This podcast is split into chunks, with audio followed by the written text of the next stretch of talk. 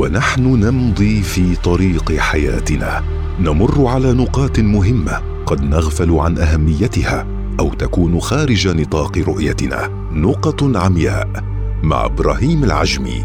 أهلا بكم مستمعينا الأعزاء في حلقة جديدة من حلقات برنامج نقط عمياء في نسخته الثانية والذي نتطرق في كل حلقة من حلقاته إلى أمر مهم قد نغفل عنه في مفاصل حياتنا. فنمضي في ممارسته فيشق علينا فعله أو يحرمنا الترك فوائده.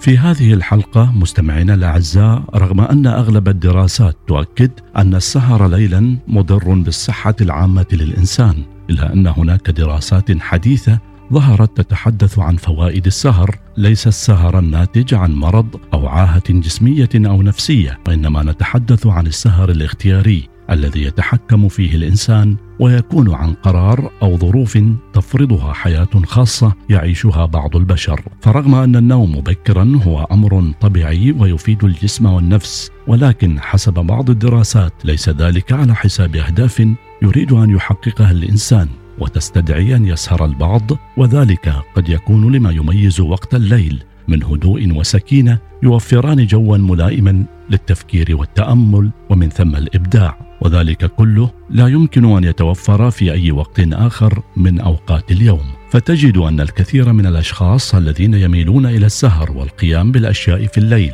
أكثر إنتاجية وابداعا خلال ساعات الليل حيث تشير تلك الدراسات إلى أن الأشخاص الذين يسهرون لوقت متأخر من الليل أكثر ذكاء من الذين يذهبون إلى الفراش مبكرا ويستيقظون مبكرا.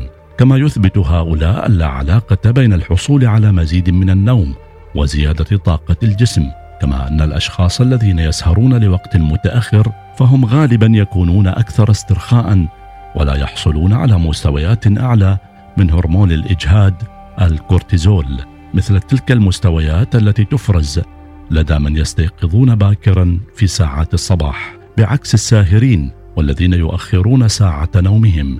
كما يؤكد الكثير ممن يهوون السهر وكما تؤكد أيضا بعض الدراسات أن الإبداع والابتكار لا يكون إلا ليلا لدى أغلب المبتكرين والمبدعين. وكما قال المثل من طلب المعالي سهر الليالي وحيث أن الإنسان البالغ تقل ساعات نومه بعكس الأطفال والمراهقين.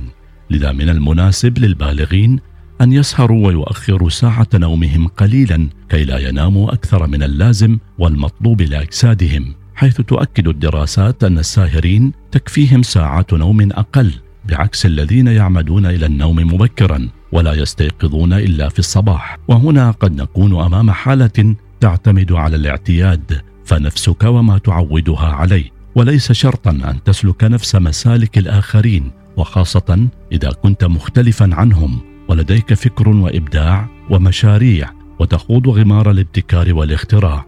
وفي الإسلام هناك نهي عن كثرة النوم فيروى أن النبي موسى الكليم سأل الله عز وجل أي عبادك أبغض إليك؟ فأجاب جيفة بالليل بطال بالنهار. ورغم الحث النبوي على إعطاء الجسد ما يحتاجه من النوم إلا أن النهي ورد عن النوم الكثير. والذي يأتي إما ليلا أو نهارا. وفي الكلام المأثور إن الله عز وجل يبغض كثرة النوم وكثرة الفراغ والنوم كثيرا ليلا مضر للصحة ومضيع للحقوق سواء حق الإنسان من جلسات التأمل والتفكير مع النفس وجلسات العبادة والاختلاء بالمحبوب. وكما ذكر أحد الصالحين خمسة أمور تستدعي تجنب الإنسان للنوم بالليل منها المحب حبيبا يخاف فراقه ومن الآثار التي تسببها كثرة النوم حسب المرويات الإسلامية إياكم وكثرة النوم فإن كثرة النوم يدع صاحبه فقيرا يوم القيامة. وكما روي عن أن أم النبي سليمان قالت له يوما يا بني إياك والنوم. فإنه يفقرك يوم يحتاج الناس إلى أعمالهم. وحين سئل أحد الخلفاء عن سبب قلة نومه بالليل والنهار فقال لو نمت كل ليلي ضيعت حق ربي. وإن نمت كل نهاري ضيعت حقوق الناس. في هذه الحلقة مستمعينا الأعزاء وجهنا الضوء على نقطة من النقاط التي يغفل عنها البعض أو تكون خارج مجال رؤيتهم وهي أنهم يظنون أن السهر ليلا ليس له فوائد غافلين عن الفوائد الكثيرة التي يوفرها تأخير النوم ليلا لدى بعض الأشخاص وخاصة المبدعين والمبتكرين على أمل أن نلتقي مع نقطة أخرى من نقط عمياء. إلى اللقاء. نقط عمياء مع إبراهيم العجمي.